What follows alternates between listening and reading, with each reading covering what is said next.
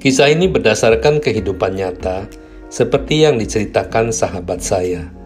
Katakanlah Anton namanya.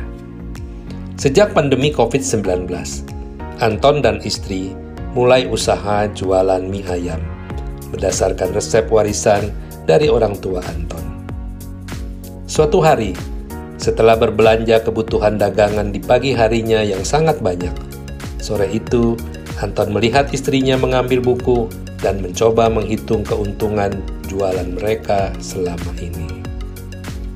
Melihat hal itu, segera Anton mencegahnya dan berkata, "Jangan hitung keuntungannya." Istrinya bingung, lalu bertanya, "Bagaimana mungkin kalau kita berdagang tetapi tidak tahu berapa besar untungnya?" Jawab Anton, "Sudahlah, tidak usah dihitung-hitung berapa keuntungannya."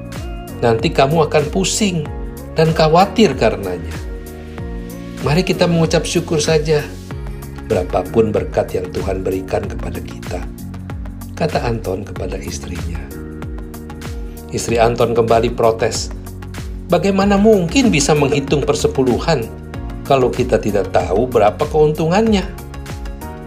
Jawab Anton lagi, berikan saja berapa yang Tuhan gerakkan di hati kita Jangan hitung-hitungan berkat dengan Tuhan. Bukankah terlebih berkat kita memberi daripada menerima? Istri Anton setuju sekaligus membenarkan perkataan suaminya. Walau sejak mulai berjualan, mereka tidak pernah menghitung berapa besar keuntungannya. Anehnya, mereka tidak pernah kekurangan membayar semua kebutuhan bulanan mereka, kata Anton kepadaku.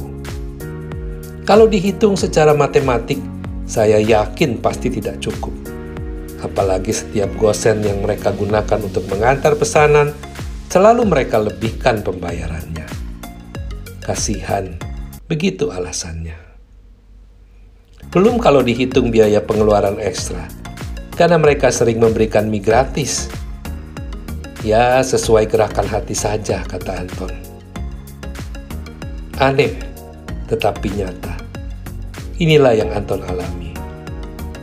Banyak pelanggannya yang membayar lebih dari yang seharusnya dibayar, karena puas dengan rasa mie dan pelayanan yang diberikan. Anton meneruskan ceritanya. Minggu lalu ada pelanggan pesan, dan mereka lupa mencatat. Waktu siang hari, ketika pelanggannya bertanya, mereka menjadi terkejut Untung ada kelebihan dua porsi, sehingga mereka segera datang, mohon maaf atas kehilafannya, dan memberikan dua porsi mie gratis sebagai komplimennya. Sabtu berikutnya, pelanggan ini pesan empat porsi dan mengajak dua orang kawannya yang ikut juga memesan mie ayam. Pelanggannya berkata, mie ayamnya enak, apalagi ditambah dengan servisnya yang sangat luar biasa sambil mengacungkan jempolnya.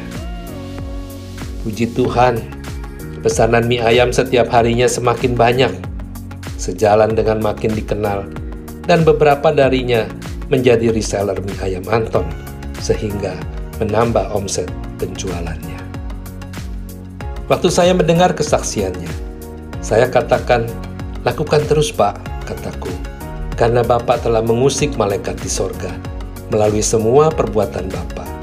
Saya yakin pintu-pintu berkat akan terbuka dan berkat melimpah akan dicurahkan, kataku menguatkannya. Ia tersenyum dan berkata, Amin, sambil mengangkat wajahnya ke atas dan menekapkan kedua tangannya di dada, tanda menyembah. Kembali saya kagum dengan sikapnya, karena mengingatkan saya akan firman Tuhan Kolose 3 ayat 23.